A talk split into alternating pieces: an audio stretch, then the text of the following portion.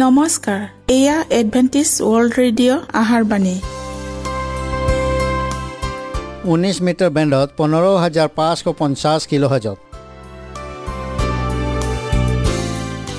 Adventist world radio যোগে অসমীয়া ভাষাত প্ৰচাৰিত আহাৰবাণী প্ৰত্যেক বুধবাৰ আৰু দেওবাৰ সন্ধিয়া সাত বজাত আহাৰবাণী শুনাৰ পিছত আপোনালোকৰ কিবা মন্তব্য আৰু প্ৰশ্ন থাকিলে আমালৈ এই ঠিকনাত লিখক।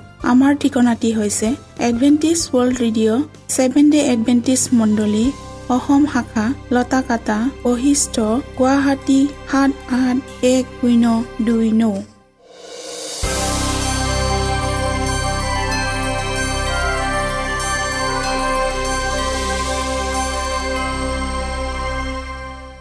প্ৰিয় শ্ৰোতা বন্ধুসকল এতিয়া শুনো আহক এটি খ্ৰীষ্টীয় ধৰ্মীয় গীত।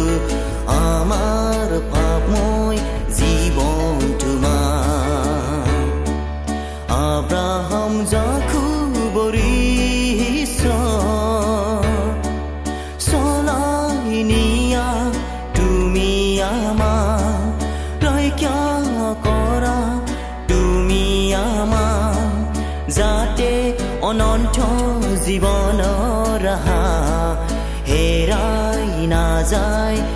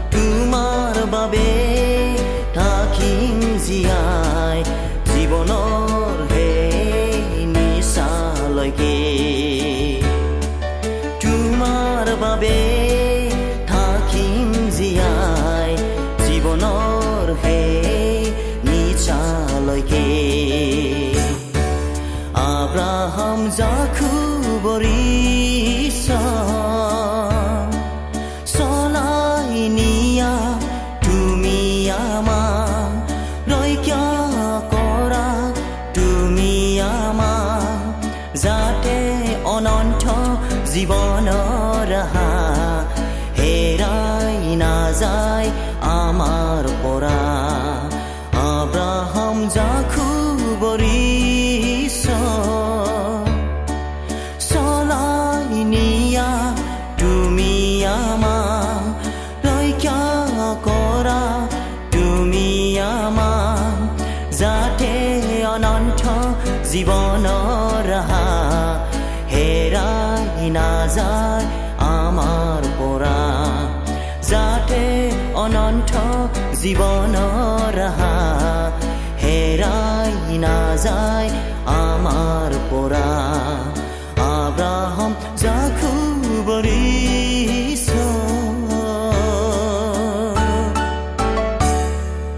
প্ৰিয় শ্ৰোতা বন্ধুসকল আহক আমি খন্তেক সময় বাইবেল অধ্যয়ন কৰোঁ হওক।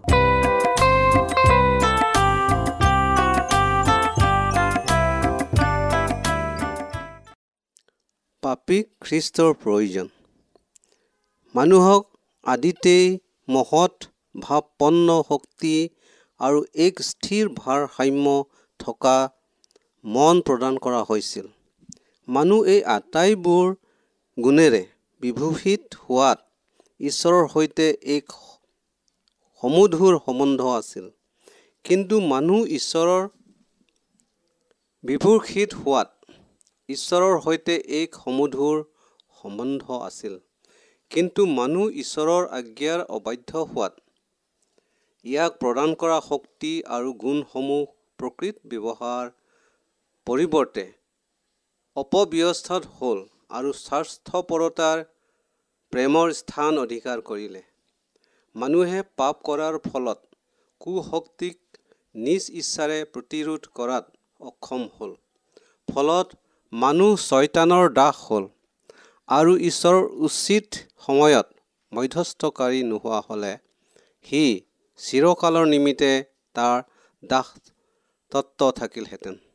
বিশেষকৈ মানুহ সৃষ্টিৰ এই ঐশ্বৰিক আঁচনিত ব্যাঘাত জন্মোৱা আৰু এই জগতখনত দুখ দুৰ্দশাৰে পৰিপূৰ্ণ কৰাই ছয়তানৰ মুখ্য উদ্দেশ্য আছিল। সি তাৰ নিৰ্দোষিতা প্ৰমাণ কৰিবলৈ এই আটাই দুখ দুদৰ্শাবোৰৰ ঈশ্বৰে মানুহ সৃষ্টি কৰাৰ ফলস্বৰূপ এই বুলি আঙুলিয়াই অভিযোগ কৰে। মানুহৰ নিষ্পাপ অৱস্থাত ঈশ্বৰৰ সৈতে এক অতি আনন্দৰ আৰু সমধুৰ সম্বন্ধ আছিল। কাৰণ সেই খ্ৰীষ্টতেই জ্ঞান আৰু বিদ্যাৰ সকলো ধন গুপ্ত আছে।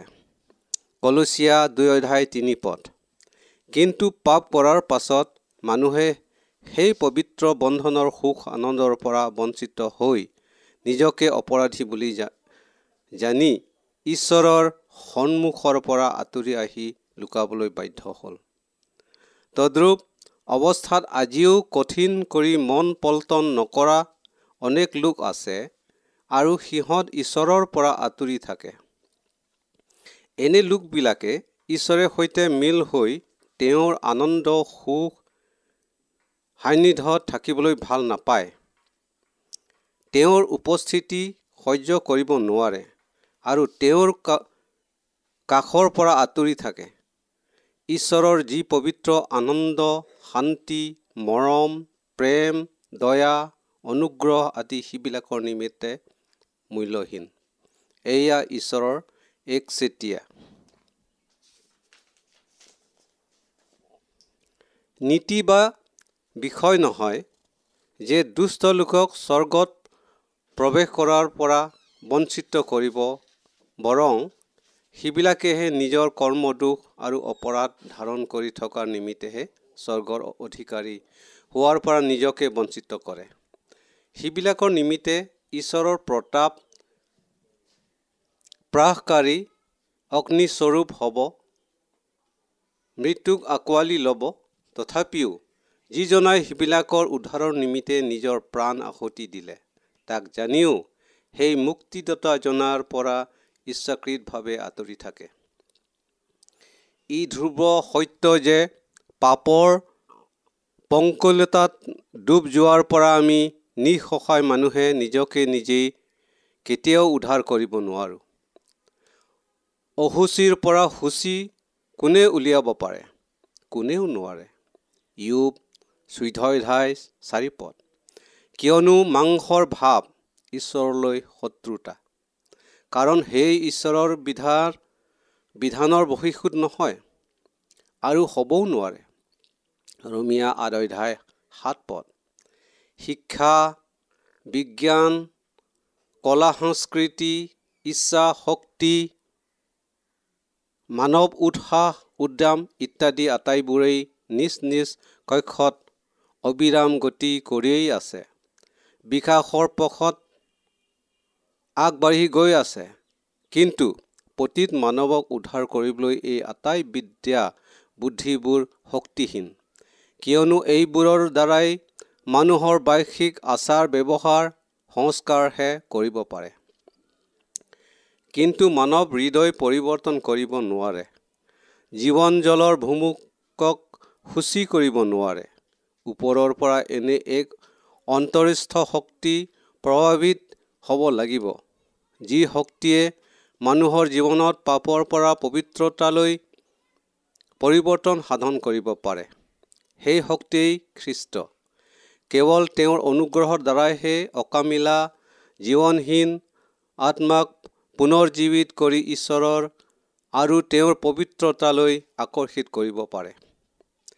ত্ৰাণকৰ্তা যীশুৱে কৈছে নতুনকৈ জন্ম নাপালে অৰ্থাৎ নতুন হৃদয় নতুন আশা আকাংক্ষা নতুন উদ্দেশ্য নতুন মনোভাৱ এইবোৰেহে নতুন জীৱনলৈ চলাই নিয়ে। কোনেও ঈশ্বৰৰ ৰাজ্য দেখা পাব নোৱাৰে। জোহন তিনি অধ্যায় তিনি।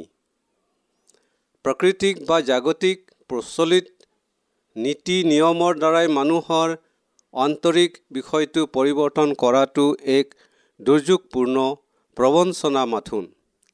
কিন্তু স্বাভাৱিক জাগতিক জ্ঞান বিদ্যাত নিৰ্ভৰ কৰা মানুহে ঈশ্বৰৰ আত্মাৰ কথা গ্ৰাহ্য নকৰে। কিয়নো তেওঁৰ মনত সেয়ে মূৰ্খতা আৰু তেওঁ সেই কথাৰ তত্ত্বেও পাব নোৱাৰে। কিয়নো আত্মিক ৰূপেহে তাক বিচাৰ কৰা হয়। প্ৰথম কৰিন্থিয়ান দুই অধ্যায় চৈধ্য পদ। নতুনকৈ তোমালোকৰ জন্ম হ'ব লাগে। মই যে তোমাক এই কথা ক'লোঁ ইয়াত বিস্ময় নামানিবা। জোৱান তিনি অধ্যায় সাত পদ। খ্ৰীষ্টৰ বিষয়ে এইদৰে লিখা আছে জীৱন তেওঁতহে সেই জীৱনেই মানুহৰ পোহৰ। জোহন এক অধ্যায় চাৰি পদ। কিয়নো যাৰে আমি পৰিত্ৰাণ পাব লাগে সৰগৰ তলত মানুহৰ মাজত দিয়া এনে আন কোনো নাম নাই পাচনি কৰ্ম চাৰি অধ্যায় বাৰ পদ। ঈশ্বৰৰ দয়া আৰু মমতা পিতৃ সুলভ মৰম তেওঁৰ ন্যায় গুণসমূহ প্ৰেমৰ ভীতিৰ ওপৰত প্ৰতিষ্ঠিত অনন্তকলীয়া বিধানৰ ন্যায় বিচাৰ। সেইবোৰ জনাটোৱেই যথেষ্ট নহয়। পাচনি পৌলে উপলব্ধি কৰি এইদৰে কৈছিল বিধান যে উত্তম ইয়াক স্বীকাৰ কৰোঁ। ৰোমান সাত অধ্যায় সোতৰ পদ। এইকাৰণে বিধান পবিত্ৰ আজ্ঞাও পবিত্ৰ ন্যায় আৰু উত্তম। ৰুমিয়া সাত অধ্যায় বাৰ পদ। তেওঁ নিজকে পবিত্ৰতাত আৰু ধাৰ্মিকতাত উপনীত হোৱাৰ অসহায় অৱস্থা বুজি বিলাপ কৰি কৈছিল। হাই হাই মই কেনে দুৰ্ভাগ্য মানুহ এই মৃত্যুৰ দেশৰ পৰা মোক কোনেও নিস্তাৰ কৰিব? ৰুমিয়া অধ্যায় চৌবিছ পদ। অতীতৰে পৰাই অশোচনীয় পাপৰ ভাৰত সকলো ঠাইতেই মানৱ হৃদয়ৰ ক্ৰদনৰ একেই সুৰ শুনা গৈছে। কিন্তু আটাই মানৱ জাতিৰ উদ্ধাৰৰ কাৰণে কেৱল আটাই মাত্ৰ সমিধান আছে। জগতৰ পাপ নিওতা ঈশ্বৰৰ মেয়ৰ পোৱালীক চোৱা জোহন এক অধ্যায় ত্ৰিছ পদ অৰ্থাৎ খ্ৰীষ্টলৈ দৃষ্টি কৰক। যিজনে পাপৰ ভাৱৰ পৰা উদ্ধাৰ পাবলৈ ইচ্ছা কৰিছে ঈশ্বৰৰ আত্মাই নানা প্ৰকাৰে সেই মুক্তিৰ পৰা পথ সহজ সৰলভাৱে প্ৰকাশ কৰি দিছে। যেতিয়া জাকুবে এচয়ক প্ৰবঞ্চনাৰে পাপ কৰি নিজ পিতৃ গৃহৰ পৰা পলাই যোৱাত আত্ম অনুশোচনাত আৰু নিৰ্জন আৰু অকলশৰীয়া হৈ সমাজ আৰু প্ৰিয় আপোনজনৰ পৰা পৰিত্যক্ত হোৱাৰ চিন্তাত ভাগি পৰিলেও এনে বিশেষ চিন্তা দুখ আৰু বেজাৰত তেওঁৰ অন্তৰৰ আত্মা বৰকৈ কান্দি উঠিছিল। কাৰণ ঈশ্বৰৰ দৃষ্টি পাপ কৰি তেওঁৰ পৰা পৃথক হ'ল। চাৰিওফালে পৰ্বতেৰে আগুৰি থকা মাজৰ এক সমতল ভূমিত দুখে বেজাৰে জৰ্জৰিত হৈ ওপৰত তৰাৰে জিকমিকাই থকা মুকলি আকাশলৈ মুখ তুলি শুই পৰিল। শুই থকা অৱস্থাতেই এটা তীব্ৰ জ্যোতিৰ দৰ্শনে তেওঁৰ টোপনি ভাঙি দিলে আৰু চকু মেলি দেখিলে যে তেওঁ শুই থকা ঠাইৰ পৰা স্বৰ্গৰ দুৱাৰলৈকে লগ লগা এখন জখলা।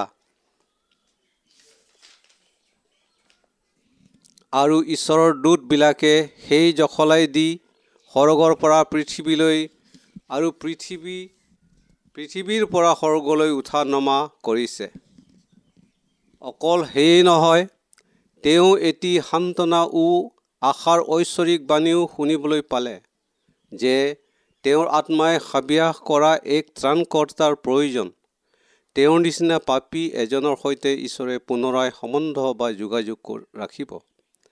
এই প্ৰতিজ্ঞাত তেওঁ আনন্দ আৰু কৃতজ্ঞতাৰে অনুপ্ৰাণিত হৈ এটা নিশ্চিত মুক্তিৰ পথ দেখিবলৈ পালে।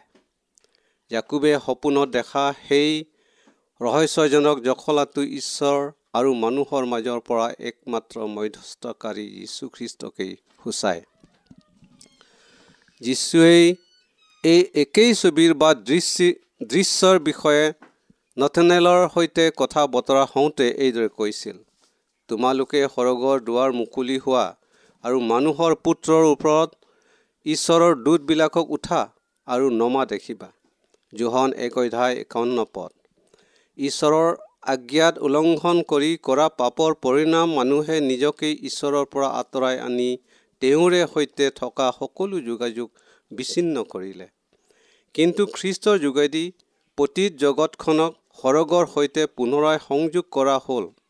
যি পাপে এক বিৰাট চাকনৈয়াৰ সৃষ্টি কৰিছিল।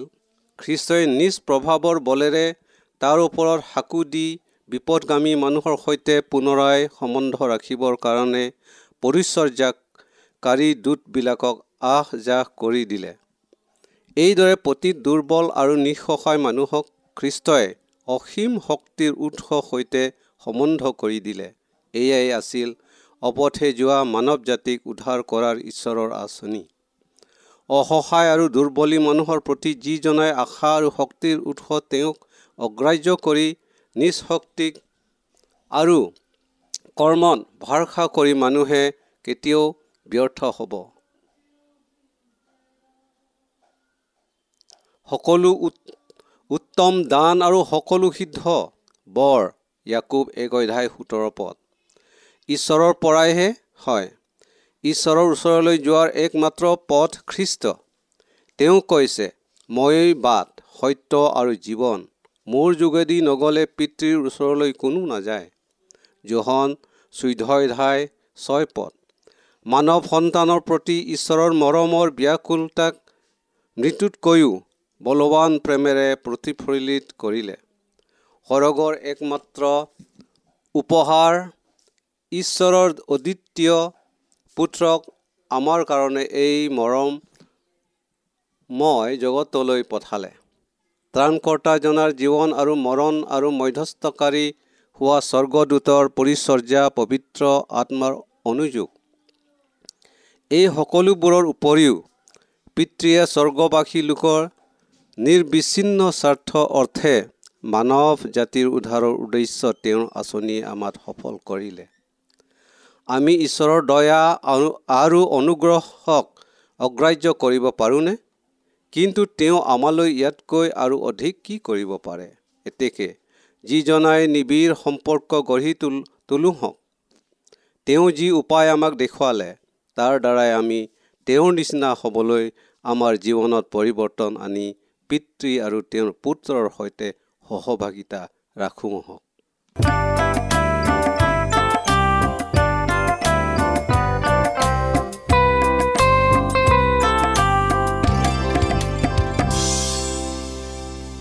ইমানপৰে আমি বাইবেল অধ্যয়ন কৰিলোঁ। এতিয়া আকৌ শুনো আহক এটি খ্ৰীষ্টীয় ধৰ্মীয় গীত।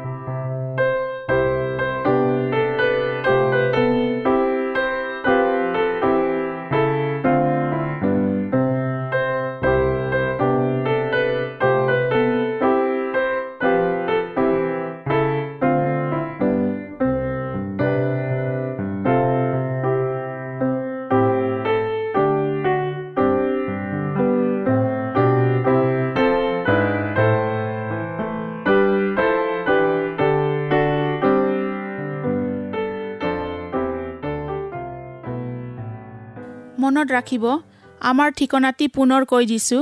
Adventist world radio' Assam region of seven day Adventist voice of hope Lotakata Basistha Guwahati seven eight one zero' two nine প্ৰিয় শ্ৰোতা বন্ধুসকল এডভেণ্টিজ ৱৰ্ল্ড ৰেডিঅ' যোগে আহাৰবাণী প্ৰচাৰত আপোনালোকক পুনৰ লগ পোৱাৰ আহাৰে আজিলৈ সামৰিলোঁ। ধন্যবাদ।